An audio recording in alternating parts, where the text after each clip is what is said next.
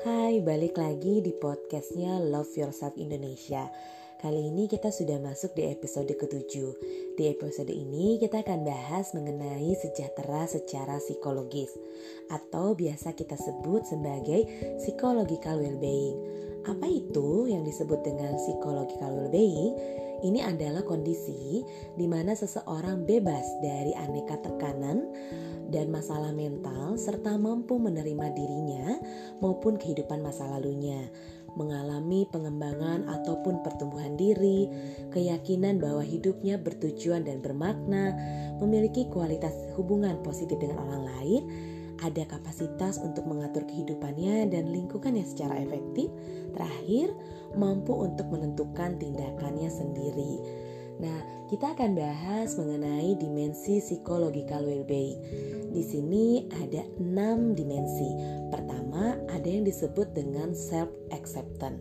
Aspek ini didefinisikan sebagai karakteristik utama dari kesehatan mental individu untuk mencapai aktualisasi diri yang berfungsi secara optimal dan dewasa. Aspek ini juga menekankan penerimaan diri seseorang terhadap masa lalu, sehingga orang yang memiliki penerimaan diri yang baik akan dapat memiliki sifat positif terhadap diri sendiri dan menerima berbagai aspek diri, termasuk sifat buruk dan baiknya. Kemudian, ada positive relation with other, diartikan sebagai kemampuan untuk mencintai. Mencintai di sini maknanya luas Individu yang mempunyai tingkatan yang baik akan memiliki hubungan positif dengan orang lain, ditandai dengan hubungan yang hangat, memuaskan, dan saling percaya dengan orang lain. Selain itu, memiliki perhatian terhadap kesejahteraan orang lain dapat menunjukkan rasa empati, rasa sayang, dan keintiman, serta memahami konsep memberi dan menerima dalam hubungan sesama. Yang ketiga, itu ada autonomi individu yang sudah mencapai aktualisasi diri dideskripsikan sebagai orang yang menampilkan sikap otonomi. Nah, individu yang berfungsi secara lengkap ini juga dideskripsikan sudah memiliki internal locus of control dalam mengevaluasi dirinya. Maksudnya, individu tersebut tidak meminta persetujuan dari orang lain, namun mengevaluasi dirinya sendiri dengan standar-standar pribadinya individu yang memiliki tingkat autonomi yang baik, maka individu tersebut akan mandiri, mampu menolak tekanan sosial untuk berpikir dan berperilaku dengan cara tertentu, mampu mengatur perilaku diri sendiri dan mengevaluasi dirinya sendiri dengan standar pribadinya. Lalu ada juga yang disebut dengan environmental mastery Nah, kalau ini merupakan kemampuan individu untuk memilih atau menciptakan suatu lingkungan yang sesuai dengan keinginan dan kebutuhannya. Dapat didefinisikan sebagai salah satu karakteristik kesehatan mental loh. Penguasaan lingkungan yang baik dapat dilihat dari sejauh mana individu dapat mengambil keuntungan dari peluang-peluang yang ada di lingkungannya. Individu juga mampu mengembangkan dirinya secara kreatif melalui aktivitas fisik maupun mental. Terus ada yang kelima itu tentang purpose of life menekankan pentingnya keyakinan yang memberikan satu perasaan dan pemahaman yang jelas tentang tujuan dan arti kehidupan. Individu yang memiliki tujuan hidup yang baik akan memiliki target dan cita-cita dalam hidupnya, serta merasa bahwa kehidupan di saat ini dan masa lalu adalah bermakna. Hidup individu tersebut juga memegang teguh pada suatu kepercayaan tertentu yang dapat membuat hidupnya lebih berarti yang pasti. Terakhir, personal growth. Nah, ini individu tuh kan harus berkembang secara psikologis mengembangkan potensi-potensinya untuk tumbuh dan maju. Pemanfaatan secara optimal seluruh bakat dan kapasitas yang dimiliki oleh individu merupakan hal yang penting dalam psychological well-being. Individu yang terbuka terhadap pengalaman-pengalaman baru berarti individu tersebut akan terus berkembang. Bukan hanya mencari suatu titik yang diam, di mana semua masalah terselesaikan Individu yang mempunyai pertumbuhan diri yang baik akan memiliki perasaan yang terus berkembang. menyadari potensi-potensi yang dimiliki, dan mampu melihat peningkatan dalam diri dan perilakunya dalam waktu ke waktu. Itu dimensinya.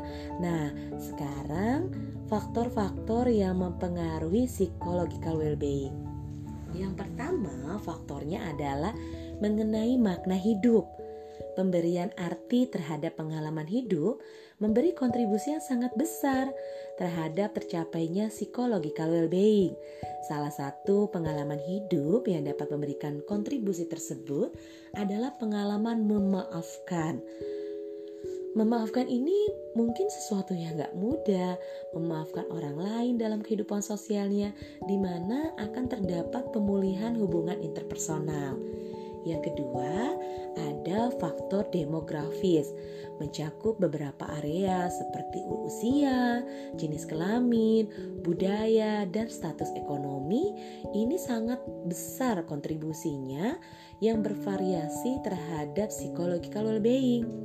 Kemudian ada yang disebut juga dengan kesehatan fisik, memiliki peranan penting dalam mendeterminasi distress maupun psychological well-being tersebut.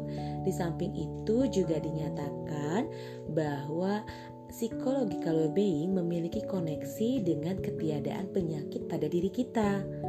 Yang keempat, ada pendidikan tingkat pendidikan turut mempengaruhi psychological well-being.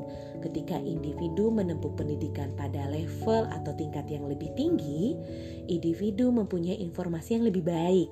Kemudian, individu akan memiliki kesadaran yang lebih baik dalam membuat suatu pilihan. Hal ini berdampak pada determinasi diri dan perilaku memelihara kesehatan, sehingga berdampak pada munculnya psikologi psychological well-being pada diri kita. Selanjutnya ada agama dan spiritualitas.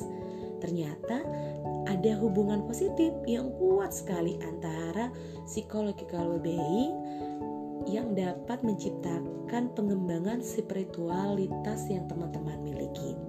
Nah, ini yang terakhir, yaitu kepribadian. Ternyata ciri-ciri kepribadian menggambarkan kecenderungan individu pada sebuah pola perilaku dan pemikiran yang stabil, bukan berdasarkan baik atau buruknya. Bukan berdasarkan baik atau buruknya hubungan yang signifikan uh, terhadap psychological well-being ini.